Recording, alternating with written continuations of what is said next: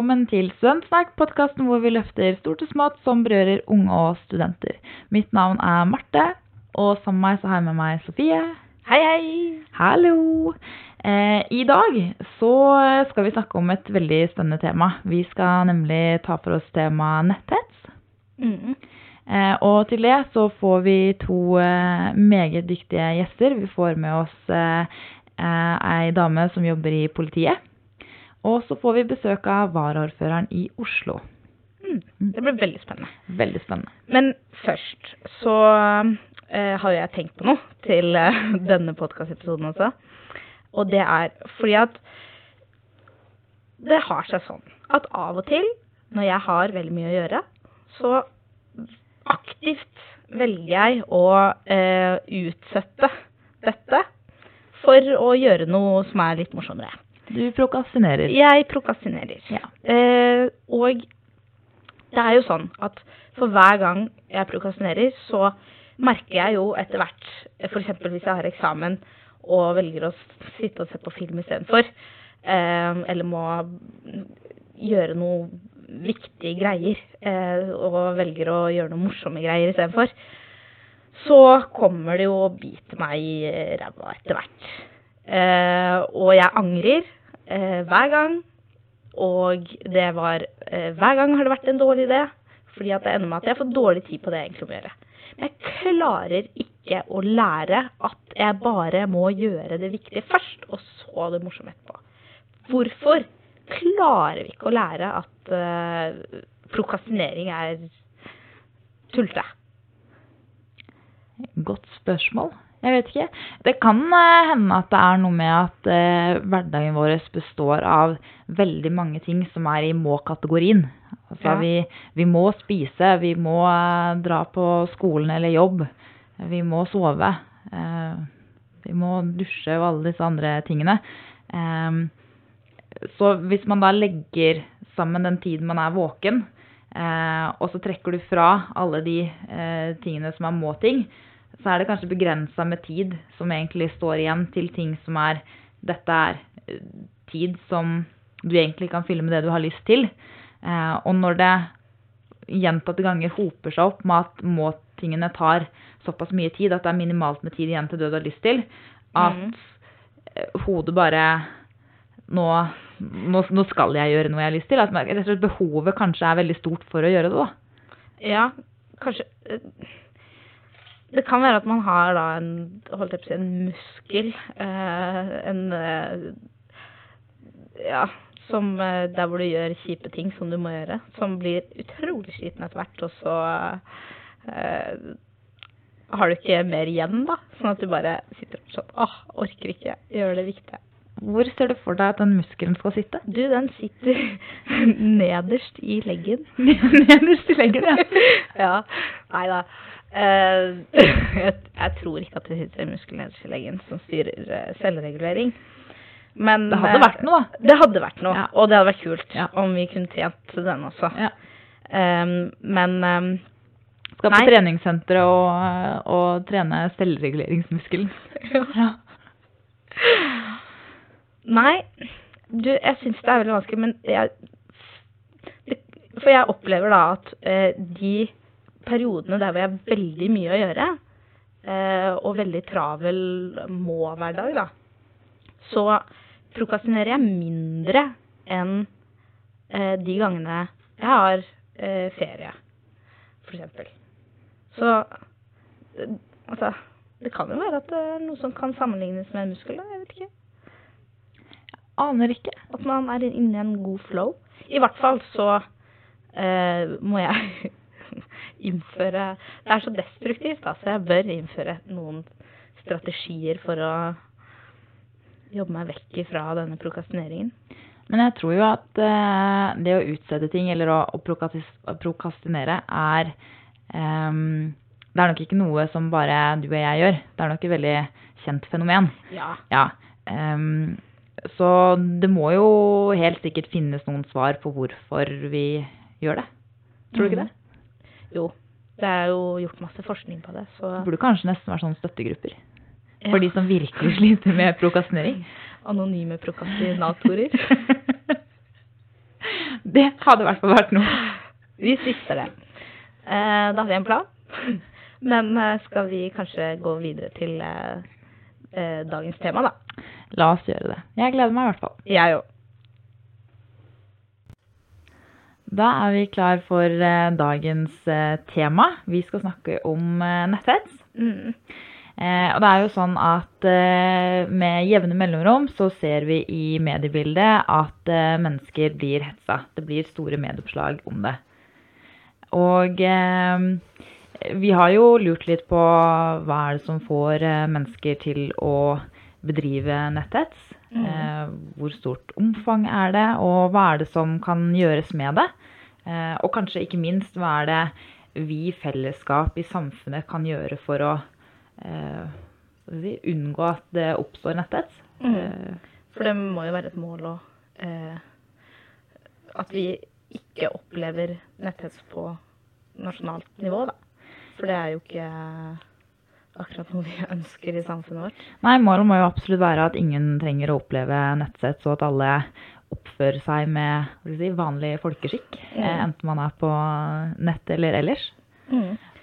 Men så eh, har jo vi fått inn en gjest som kan hjelpe oss med å belyse dette temaet. Ja, eh, vi, i dag så får vi faktisk eh, besøk av eh, to personer. Mm. Eh, men den eh, første personen vi har vært så heldige å få med oss, er eh, Abatare Krasniki. Velkommen. Tusen takk. Eh, vil du starte litt med å fortelle litt om deg selv og hva du driver med og hvem du er? Ja, det kan jeg gjøre. Eh, Jeg har jo tidligere jobbet på hatkrimgruppa i Oslo med hatefulle ytringer. Eh, Og nå jobber jeg da på Kripos med politiets tilstedeværelse på internett. Hva går det ut på, egentlig? Eh, Der jobber vi bl.a. med netthets på internett. Eh, Og så har vi jo vår egen gruppe på Facebook som heter Politiets nettpatrulje, Kripos. Så der kan jo publikum kontakte oss eh, for råd og veiledning, og for å tipse oss om bl.a. trusler eller hatefulle ytringer, eller hva slags netthets de har blitt utsatt for, da. Ehm, for hva er egentlig eh, netthets? Netthets vil jeg si er når en person blir utsatt for trakassering eller for trusler, eh, æreskrenkelser. Det kan være ulike typer netthets en person blir utsatt for på internett, og det kan være på ulike kanaler, eh, som på Facebook eller Instagram, eller andre sosiale medier. Eh, hvordan, eh, hvordan er det å jobbe i eh, politiets netthetsgruppe? Eller hvordan, eh, hvordan er det dere jobber med å få bukt på netthets? En definert del av oppdraget vårt er jo å behandle tips som kommer inn da på enten politiet.no eller på denne Facebook-gruppen som jeg nevnte. Og der får vi jo inn henvendelser fra følgere eller fra andre som er på Facebook, eh, som ønsker å tipse oss om noe straffbart, eller som sagt som bare ønsker råd og veiledning i forhold til ulike hendelser, eller bare det å spørre hvordan blir jeg politi, får vi også. Eh, og så mottar vi da alt fra 4 til 30 henvendelser. Kommer også an på om det er noe spesielt i samfunnsdebatten. Da får vi gjerne inn flere henvendelser.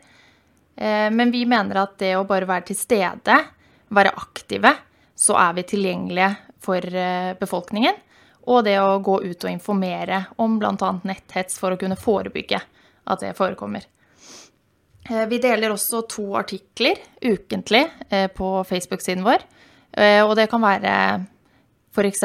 sider til No Hate, som driver med forebygging av netthets. Og det er for å informere, eh, og det kan også virke allmennpreventivt, at folk da ikke eh, bidrar til trusler eller hva det måtte være på nett. Eh, fordi at det er jo sånn at det er jo bare på i Oslo, der hvor de jobb, undersøker hatkriminalitet i hele landet. Er det sånn eh, Ville vært en fordel å ha det i alle distrikt, f.eks.? Vi ser jo at da vi opprettet hatkrimgruppen i Oslo, som jeg jobbet i tidligere, eh, så var det jo veldig lave tall på hatkriminalitet. Eh, Og så har det jo mer enn doblet seg. Og vi vil ikke si det er fordi det plutselig ble veldig mye hatkrim i løpet av de siste årene. Eh, Men det er jo noe med at vi har hatt fokus på dette, har bedre fenomenforståelse, og at politiet da klarer å fange det mye enklere. Og det at vi har samarbeid med organisasjoner som da eh, anmelder også på vegne av de fornærmede. Så jeg syns det absolutt er en god idé å ha dette flere steder enn i bare Oslo, da. Mm. For å få mer ressurser på saken. Ja. Mm. Um, nå er det jo sånn at um, uh, er, det, er, det, en sånn barriere eller en terskel, den eh, PC-skjermen eller nettbrettet nettbrett eller telefon eller hva man, man skriver på, som, som, gjør at det oppleves som enklere å ytre seg ja, innenfor ytringen man ikke burde si, da. Mm. ved å ha den skjermen. Mm. For jeg opplever jo kanskje at Eh, mange eh, syns det kanskje er lettere å si ting med den skjermen foran seg enn eh, en hva det vil være å si noe ansikt til ansikt. Mm. Jeg tror det er det, fordi ofte så tenker man jo ville du sagt det du skriver på internett ansikt til ansikt til noen? Og da tror jeg de fleste ville sagt nei. Men jeg tror at når man sitter bak den PC-skjermen og skriver, så tenker man ikke nødvendigvis at noen følger med. Man føler seg kanskje litt usynlig. Eh, og så tenker jeg at de fleste tenker jeg kan skrive dette, og så er det ingen som klarer å egentlig eh, identifisere meg. Så det tror jeg at man blir eh, Man føler kanskje ja, rett og slett at ingen følger med. Og derfor er det så viktig for oss å være til stede på internett for å vise at vi er der. Mm. Ja, for hvor, hvor, anonym er man egentlig på internett? noen av tipsene vi mottar, er, er det veldig lite informasjon om personer som er involvert. Eh, og, eller så kan man ha falske profiler. Og det fører jo til at det er vanskeligere for oss å identifisere mulig gjerningsperson. Eh, men vi har god erfaring på både å identifisere og lokalisere, og kan spore opp eh, personer som det kanskje litt, er, litt vanskelig, da. og dersom man får en inngitt anmeldelse, altså at noen kommer og anmelder, så har man jo flere muligheter. for da kan vi be f.eks. om ulike informasjon fra plattformer som har registrert eh, informasjon på disse personene. Og vanligvis vil man jo ikke bare kunne få utlevert informasjon. Eh, så da trenger man en anmeldelse for å få samtykke til dette, da. Mm. Eh, er det sånn at det er eh, noen grupper som er mer utsatt for netthets enn andre? Vi ser at eh, offentlig ansatte eh, blir utsatt for en del netthets, og da spesielt barnevernet Mm. Vi ser jo at det er ulike grupper på Facebook som hetser barnevernsansatte. Eh, og så ser vi også at politikere, altså myndighetspersoner, også blir utsatt for dette. Og det med sosiale medier tror jeg også Det har gjort, gjort det enklere for folk at de kan ytre seg. Og dette kan i ytterste konsekvens føre til at vi ikke klarer å rekruttere folk til Eh, stillinger som barnevernet, eller at politikere velger å trekke seg fra samfunnsdebatten. Og det blir jo da et samfunnsproblem, og ikke bare et problem på individnivå. Eh, så her vil jeg bare presisere at det er veldig viktig at folk eh, inngir anmeldelser, selv om de blir utsatt for dette gjentatte ganger og tenker at jeg har opplevd verre, da. Inngir anmeldelse, altså sender inn en anmeldelse hvis de opplever noe som er brudd på lovaktig Er det det du mener da? Riktig. At ja. man da tar kontakt med politiet for å ja. gi en utfyllende forklaring. Ja. Eh, og da kan vi opprette anmeldelsen og etterforske saken, da. Mm. Mm. Eh, det her er kanskje et litt, eh, et litt veldig et stort spørsmål. Eh, men kan du si noe om hvor grensen går mellom ytringsfrihet og hets? Um, det er veldig vanskelig å gi deg et konkret svar på, eh, på, det, ettersom det må bli en konkret vurdering ut fra saksforholdet eller på en måte eh, ja, det tipset vi måtte motta, eller en kommentar. Eh, men ytringsfriheten utfordrer oss, og nettopp fordi uttalelser kan oppfattes som støtende eller sjokkerende. Eh, men den gir også, også mulighet til å være uenige med hverandre og til å ytre oss når vi ønsker det. Og det er jo et viktig i et demokrati. Men så er det viktig å tenke på at ytringsfriheten er ikke absolutt. Og det forbudet går jo nettopp på f.eks. hatefulle ytringer eller trusler eller oppfordring til straffbare handlinger. Da har det på en måte gått utover det som er lov å si.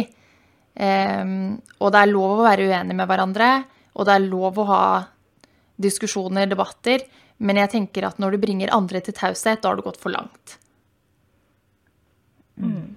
Ja, for det har jo vært eh, eh, saker i, eh, om at flere nettaviser bl.a. fjerner kommentarfeltet sitt fordi at man da troller, som det heter så fint. Um, og da kommer at folk kommer med harde uttalelser på nett, og uh, at også enkelte bloggere har valgt uh, å måtte godkjenne alle uh, kommentarene før de blir publisert. Um, hva tenker dere om dette? Det, kan det ha en positiv effekt på forebygging av netthets, eller det, kan det på en måte ha en negativ konsekvens på ytringsfrihet og offentlig debatt? da? Eh, jeg har jo selv sett på noen av disse bloggerne sine kommentarfelt, og på en måte så tenker jeg at det kan være forebyggende å eh, godkjenne kommentarer før man velger å putte de ut så alle kan se dem. Eh, og det er nettopp fordi hvis man velger å legge ut alt, så kan andre henge seg på den hetsen. Eh, eller så har vi jo disse som ønsker å støtte denne bloggeren, og da blir utsatt for hets, eh, utsatt for hets selv. Ehm, og så kan det eskalere. Eh, og jeg tenker at det er litt sånn eh, broken window-teori. Eh, lar du hetsen bare ligge der, så er det flere som vil slenge seg på. Men hvis bloggeren velger å ikke dele all hetsen, så vil ikke du være den eneste som skriver noe straffbart på en side. Så jeg tenker at monitorering er viktig, og det gjelder også nettavisene. At man ikke legger ut en artikkel tar seg helg og følger ikke med på det som blir skrevet, men at man faktisk har noen som følger med. Mm. Ja, for terskelen er litt høyere å komme med netthets hvis, eh, hvis ingen har gjort det før deg. Så at hvis det er mye netthets der fra før, mm. så er det terskelen lavere for å hetse med. Ja, det, det vil jeg tro. Ja. For du ser jo at det er bare å tenke alle andre gjør det jo. Ja. Og man tenker også det er jo ingen som blir tatt. Mm. Men det er jo ingen som vet hvem politiet har kontaktet heller. Nei. Så derfor prøver vi også å jobbe litt allmennpreventivt og vise til saker vi kanskje har hatt. Sånn som den dommen fra Haja Tajik som nylig var i, i media nå. Kan vi da nesten si at eh, ved å eh, Altså organisasjoner og bedrifter og andre som har eh, Om det er Facebook-sider, Instagram-sider eh, Ja, sider eh, hvor man kan eh, kommentere, at eh, vi alle sammen kan være med å, å bidra på en måte for å få bort på med netthets? Jeg tenker at saklige debatter Det vi prøver på, er å bare kommentere for at folk skal se at vi på en måte er der. Veldig mange kommer jo med informasjon som kanskje ikke er korrekt, og da kan vi hjelpe de litt på veien. Eh, og så er det noe med det at når politiet er der og ser at vi kommenterer, så velger man kanskje sine ord med omhu, og ikke bare taste vilt på det testaturet, da. Mm. Um, hvilke, hvilke, konsekvenser uh, er det de som uh, bedriver netthets kan få? Og hvordan er prosessen fra en anmeldelse foreligger til ja, til en eventuell dom? Eller altså, vil du få noen sanksjoner eh, mm. for de menneskene som, eh, som driver netthets? Mm. Det kommer jo veldig an på hvilket straffbart forhold de har begått. Um, men eh, det jeg bare vil presisere, er at internett er ikke noe kriminelt fristed for noen. De samme straffebestemmelsene gjelder på internett, sånn som i samfunnet ellers. Og um, det at man kommer med hatefulle ytringer på sosiale medier eller på andre steder, kan jo få uante konsekvenser for de som faktisk skriver det. For noen tenker at ingen ser meg på nett, så da kommer jeg meg unna dette. Eh, men jeg tror vi heller skal fokusere på hva slags innvirkning kan dette, det at voksne skriver, eh, altså bidrar til netthets, hva gjør dette med barna når de ser at voksne gjør det? Da virker det jo helt greit. Eh, og et annet spørsmål er jo nettopp dette ville du sagt ansikt til ansikt? Og det tror jeg ikke veldig mange ville gjort. Når det kommer til sanksjoner eller straff man kan få, så er jo dette variert, men kommer du f.eks. med hatefulle ytringer basert på noens etnisitet, religion, nedsatt funksjonsevne eller homofil orientering, så kan man få ett til tre års fengsel. Men da er det jo også Du kan jo også få forelegg. Det er ulike eh, straffereaksjoner. Så jeg kan på en måte ikke si konkret hva én person ville fått eh, for å si noe på nettet, da. Um, hvor uh, hvor bør man henvende seg, hvor bør man gå hvis, uh, hvis man opplever på hette, uh, hets på nettet? Mm. Si jeg skulle opp, ha opplevd det. Mm. Eh, eller kjenne noen som eh, opplever det fra enten kjente eller anonyme. Hvordan, Mm. Hvor henvender man seg? Eh, Det er jo å henvende seg til politiet. Det er jo vi som skal etterforske det som er straffbart. Og da anbefaler vi alle å dokumentere kommentarene, eller hva det måtte være, bilder. Eh, Da tar du skjermbilder, eh, og så at du anmelder raskt til politiet, nettopp fordi bevis på internett forsvinner raskt. Eh, Det er jo bare å slette, og så finner du det ikke igjen. Så det tenker jeg er veldig viktig, at eh, vi får inn disse skjermbildene, for det er viktig bevis i en eventuell straffesak. Ehm, og så er det jo mulig også Noen veit jo ikke om noe er straffbart eller ikke, så det er vanskelig for dem å komme til en politistasjon. Men da kan man jo ta kontakt med oss på Facebook-siden vår. Og så har jo Oslo også fått sin egen nettpatrulje på Facebook, og Sør-Vest. Så det er kanskje lavere terskel for folk å bare sende et skjermbilde og spørre hvordan vurderer dere dette, Um, og så dra til en politistasjon. Så det velger man jo selv hva man er komfortabel med, da. Da begynner vi å nærme oss tida hvor vi skal runde av. Eh, har du noe, noe du føler du har lyst til å si som du ikke har fått eh, sagt, eller vi ikke har stilt spørsmål om? Eh, det jeg kan si, er at jeg tror at eh, veldig mange av disse personene som skriver, antageligvis har sittet med de samme meningene tidligere også, men nå har vi fått sosiale medier som eh, er det eneste vi nesten driver med. Vi sitter jo på den mobilen hele tiden. Eh, Så alt er mye mer synlig nå. Eh, Og jeg tenker at eh, på en måte så kan det være positivt, for da kan vi diskutere om det. eh, Og kanskje til og med få en saklig debatt ut av det. Eh, Men på en annen side så må vi da også kunne monitorere det som skjer på nettet, og der har vi jo et ansvar. Så vi kan ikke bare late som det ikke skjer noe der, og ikke følge med. Tusen takk for at du hadde lyst til å komme hit og snakke med oss. Takk for at jeg fikk komme. Vi skal jo eh, snakke med enda en gjest.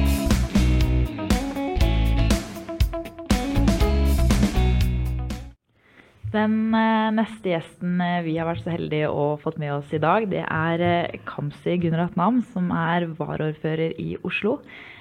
Og i den anledning så har vi blitt så heldige å få blitt invitert til ned på rådhuset i Oslo. Så nå sitter vi her. Velkommen. Tusen takk. Vil du starte litt med å fortelle litt om hvem du er, og hva du jobber med? Ja, jeg heter Kamzy. Jeg er 30 år og er varaordfører i det som er verdens beste by. Eh, Og det er en ganske givende og fin jobb i en eh, multikulturell by med mange forskjellige mennesker. Og mange studenter, da. Viktig å påpeke. Eh, vi har jo tidligere i episoden fått politiets definisjon av, av netthets. Men hvordan ville du definert netthets? Altså Hets generelt er jo når du er nødt til å angripe folk på deres personlige ting istedenfor å ta det på det som har blitt sagt og deres meninger. Eh, at du er nødt til å gå på hårstil til eh, størrelse på kroppen til eh, ren stigma, hvor man sammenligner helt usammenlignbare ting eh, og egenskaper. Eh, så hets er jo det, og det er det folk nå har overført til nettet. Ja, for du eh, har jo opplevd å eh, blitt hetset på nett. Eh, noe, som er, eh, noe som må være ekstremt utfordrende. Eh, men, eh, og kanskje da spesielt som offentlig person. Hvordan håndterer du som privatperson slike tilbakemeldinger? Er det, prøver du å Tar du tak i det og håndterer det der og da, eller er det noe du velger å unngå for å måte, ikke bli eksponert for sånn hets? Eh, ja, jeg får en del hets, men jeg tror jeg er litt påvirket av at jeg som privatperson også har mange venner som er enten muslimer eller er med i Miljøpartiet De Grønne. Eh, og de opplever mye mer. Mine muslimske medsøstre og mine uh, kolleger i, i, som er ganske engasjert i miljøspørsmålet, de opplever betydelig mer netthets og trakassering på nettet. Og jeg er påvirket av det, og derfor kan hende at jeg har en tendens til å både undervurdere, men også neglisjere litt eh, den hetsen jeg får. Eh, fordi det er i mindre grad, og det må jeg bare være ærlig på. Eh, men måten å håndtere det på, tenker jeg at man må bli flinkere til å se på hets i dag på nett, i likhet med noen som kan utfordre deg rent fysisk på gata. På, i, på samme måte som noen hadde liksom stått foran deg og beskytta deg. Eh, en partikollega ville gjort det, en venninne ville gjort det. Så er vi nødt til å ha i større grad i de politiske partiene et digitalt beredskap. Det vil si at det er ikke sånn at det viktigste for meg som politiker er jo å formidle mitt budskap. Men det er ikke like viktig for meg å sitte og lese det oppgulpet som veldig mange kommer med. Og da er det greit at man eh, enten setter noen ansatte på det, eh, men ikke alle har fulltidsansatte rådgivere. Og da er det greit at man i, eh, i, et politisk fellesskap da er enige om man går sammen fem og fem og beskytter hverandres kommentarfelt. Fordi det som står på ditt kommentarfelt, det stikker deg. Det er personlig mot deg. Og noen klarer å ignorere det, mens andre, andre kan miste nattesøvnen pga. det. Så jeg tenker at et slikt digitalt beredskap, hvordan man nå enn organiserer det, tenker jeg er en veldig fin måte å eh, gjøre det på. Fordi det vi trenger, er jo konstruktive tilbakemeldinger fra befolkningen. Men vi trenger ikke det oppgulpet som veldig mange kommer med. Mm. Eh, nå er det jo sånn at Netthets det, det, påvirker jo det offentlige ordskiftet i, i veldig stor grad. Eh, og det kan jo også sies å være et, et, virkemiddel for å få andre personer til å tie, mm. tie på. Eh, og at de da ikke kommer med sine meninger. Eh, har du noen, eh, noen tanke eller noen idé om hvordan man kan jobbe for å få et bedre offentlig ytringsklima på, på nettet? Mm. Ja, det er helt riktig det du sier. Eh, status på ytringsfrihet fra både 2014 og 2016-2017 viser at den gruppen som vegrer seg mest mot å bruke ytringsfriheten sin i Norge, det er unge jenter med minoritetsbakgrunn så viser nye tall at det er unge jenter med minoritetsbakgrunn som er muslimer, og i tillegg går med hijab. Og dette i verdens beste land. Eh, jeg syns det er helt forferdelig. Eh, og det beviser hvilken gruppe som blir mest utsatt for hets. Blir mest utsatt for en form for det jeg vil kalle moderne sosial kontroll, eh, som gjør at man, man vegrer seg mot å ytre seg og være med på å påvirke hvilken retning by og land skal gå i. Men for å liksom få bedre bedre ytringskultur, altså ytringsfrihet, å tolerere at folk er uenige med deg, og motsi det på en konstruktiv måte, så mener jeg at du kan ikke Jeg kan liksom på en måte sitte her og si at uh, vi må få bedre skolering på ytringsfrihet i skolen, og vi må lære oss liksom hva er den juridiske definisjonen, hvordan vi snakker sammen, og vi må ha debattpanel på skolene. Og det er kjempeviktig. Å lage skoleavis og lære seg ganske tidlig å ha slik debatt. Og kidsa som vokser opp nå, har en helt annen tilnærming til sosiale medier. Vi hadde jo ikke Facebook. Eller jeg hadde ikke Facebook på barneskolen. Eh, og jeg tenker hvordan hvordan samfunn vi former. Fordi hvis man vokser opp segregert. Hvis man vokser opp på en måte hvor man ikke blir utfordret basert på det at man møter ulike mennesker i hele oppveksten, så ja, da vil du slite når du møter en innvandrer første gang i ditt liv når du er 16 år gammel. Det er ganske sent. Så da er spørsmålet mitt hvordan former vi samfunnet? Hvordan bygger vi samfunnet på en måte der vi ikke bare fysisk bor i den samme byen, men også lever i den samme virkeligheten? Jeg er oppvokst i Groruddalen. Jeg begynte på Oslo Handelsgymnasium eh, fordi jeg hadde lyst til å gå på en skole med de eh, linjene og de lærerne og den faglige kompetansen de hadde. Da jeg begynte på Oslo så skjønte jeg at det kom eh, klientell dit, som jeg ble veldig glad i etter hvert, men som kom fra en helt annen side av byen.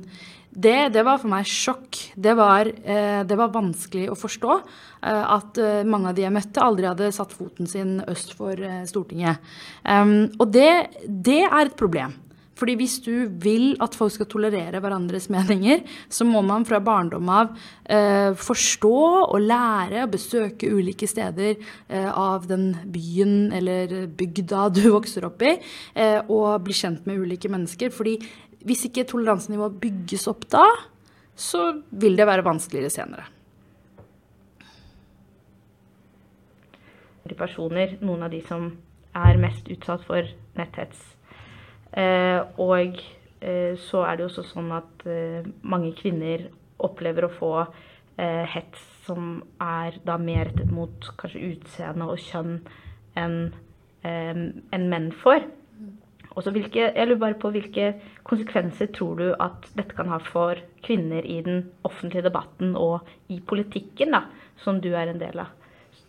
Konsekvensene blir jo, blir jo som bestilt. At uh, du fokuserer så mye på utseendet og leppestørrelse til liksom hva du har på deg på de ulike arrangementene. At vi i tillegg til å skrive gode taler og forberede oss på gode debatter og gode argumenter, så må vi bruke like mye tid på å finne det riktige antrekket og den riktige neglelakkfargen for å ikke eh, Ja, for å føle at man er 100 eh, til stede. Eh, så har man jo hvis man er flinke internt i partiene, internt i kommunene, så har man bevissthet rundt disse spørsmålene til å liksom snakke om at det viktigste du gjør, det er den talen du holder, det er argumentene du legger fram, og det er meningene du bærer.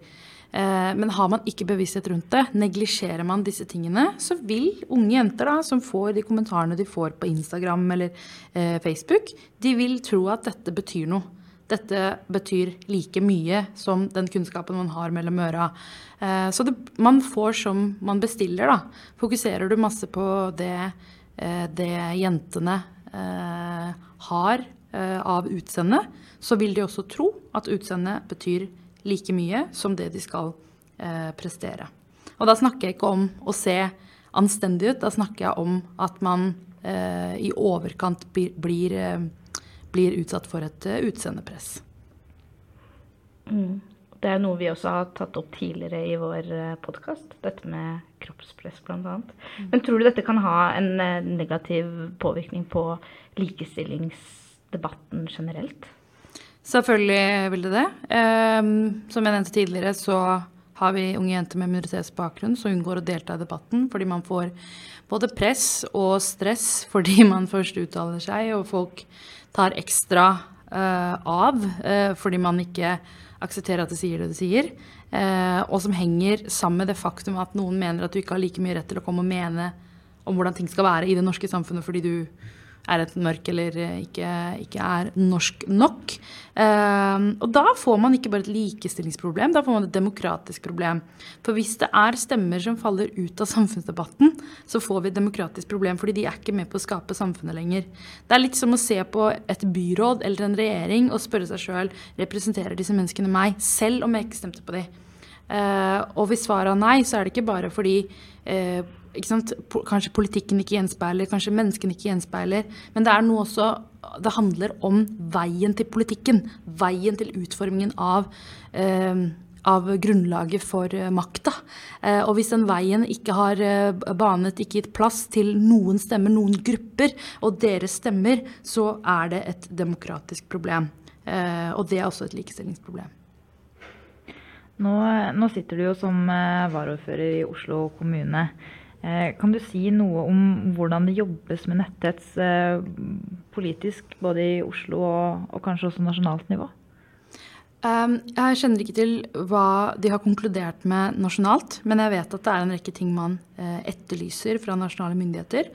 Og det er jo at man skal følge, følge straffeforfølge, mye strengere uh, på det som blir sagt, og at det ikke er eh, akseptabelt. Vi vet jo at mange av de som er eh, rebell i kjellerleiligheten, bare de får ett besøk av politiet, så jekker de seg ned. Eh, jeg har sjøl hatt noen runder hvor folk har skrevet krasse ting som jeg eh, inviterer på kontoret, og så plutselig bare Plutselig føler de seg sett, og plutselig skal de eh, Har de en mildere tone selv om de er uenige. Men eh, så har ikke alle den samme kapasiteten. ikke sant? Og da er spørsmålet hvordan kan man følge dette opp mye tydeligere? Eh, og kanskje man trenger et apparat som er en mellomting mellom å være en politiker som kan ta en prat og en kaffe eh, og får betalt for å gjøre den jobben overfor innbyggerne, versus at politiet kommer på døra det sekundet du skriver noe. Men i Oslo kommune så har dette blitt et viktigere og viktigere tema. Um, både jeg, da jeg ble varaordfører, uh, Lan uh, etter at hun ble miljøbyråd, Um, Aina Stenersen for den tydelige profilen hun har, selv om jeg er uenig med henne. Eller Saida Begum etter at hun ble ordførerkandidat for Høyre. Du merker jo at det er mange ulike ting som dukker opp fordi du er ung kvinne. Du, fordi du har sterke meninger.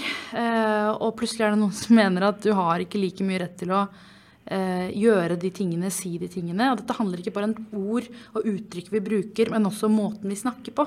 Uh, hvis jeg som kvinne er uh, streng, så blir jeg kalt en bitch. Og hvis en mann er streng, så er det lederstil. Det er handlekraftig.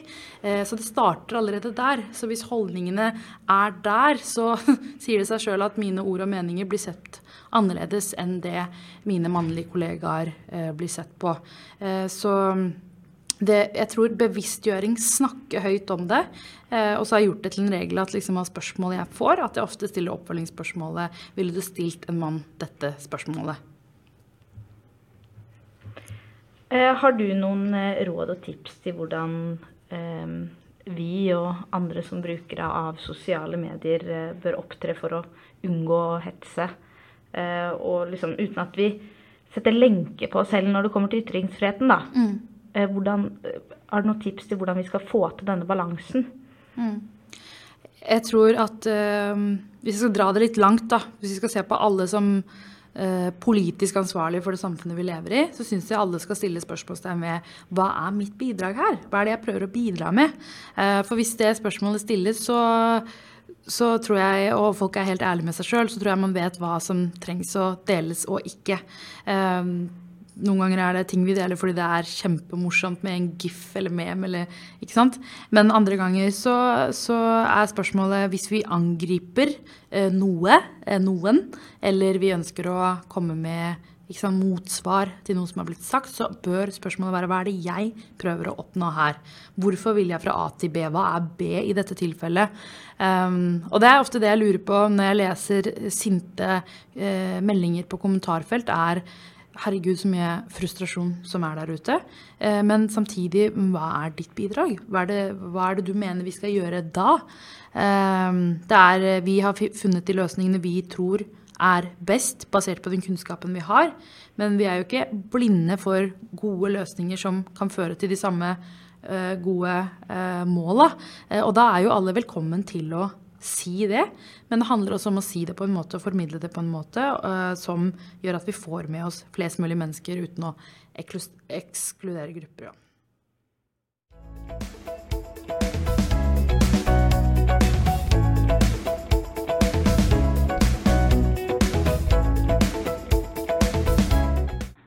Da nærmer vi oss slutten på eh, denne episoden. Veldig spennende episode. Det har vært uh, utrolig lærerikt på mange måter. Både mm. å høre fra Abetare og uh, hvordan politiet arbeider med netthets, og ikke minst fra, fra Kamsi, som også har opplevd netthets og eh, har nok eh, sett baksiden av netthets på en måte som mange andre av oss har vært så heldige å, å slippe unna. Mm. Og jeg syns det er veldig spennende dette med den balansen mellom hets og ytringsfrihet, da, hvor vi må, vi, vi må bevare ytringsfriheten eh, og klare å utøve det med folkeskikk, da. At eh, vi må, som Kamzy også nevnte, det å eh, Hvor skal du med det? Hva er det du har å bidra med? Og at Ja, at, at, man bidrar til en fruktbar debatt, da, som, som gjør at vi kommer oss videre i samfunnet, istedenfor å eh, tie de som eh, ytrer seg, eller med netthets, og true eh, meninger. Og som eh, også Kamzy var inne på, så, så som hun avslutta så pent med, at eh, alle må få brukt stemmen sin. Det er så viktig at mm. alle får få sagt, få sagt, sin mening og får delta i debatten. Mm. Og skal vi ha et håp om å prøve å å endre det her i framtiden, så må jo vi som uh, unge være premissleverandører for et, uh, et uh, inkluderende og åpent debattklima. Mm. Og da må vi alle sammen rett og slett ta oss litt sammen. Ja, jeg er helt enig. vi har et Det er ungdommen som skal ta dette samfunnet videre, og vi har et særlig ansvar Eh, men i tillegg hver og enkelt har ansvar for seg selv og det de eh, formidler ut på nettet til andre enkeltpersoner, selv om de er offentlige, da. Um, så har vi også eh, Fikk vi også mye god informasjon om hva man kan gjøre hvis Mm, man eh, ja. ser netthets eller eh, opplever det selv. Mm. Og jeg tenker at hvis uansett, hvis du er i tvil om er dette her eh, en eh, kontroversiell ytring eller er det netthets, eh, så ta kontakt med politiets netthetsgruppe på Facebook bl.a. Eh, og bare hør, for de, de vil jo gi deg godt svar på eh, om dette her er eh, innenfor eller utenfor loven. Og det tror jeg er veldig viktig. Helt klart. Mm. Da skal vi kanskje runde av denne episoden her. Ja, og som eh, alltid så håper vi at eh, dere lyttere har lyst til å abonnere på vår podkast på iTunes eller SoundCloud eller eh, hvilken plattform dere måtte bruke. Ehm, for da får dere varsel når vi legger ut ny episode. Og det er jo kjekt. Det er ålreit.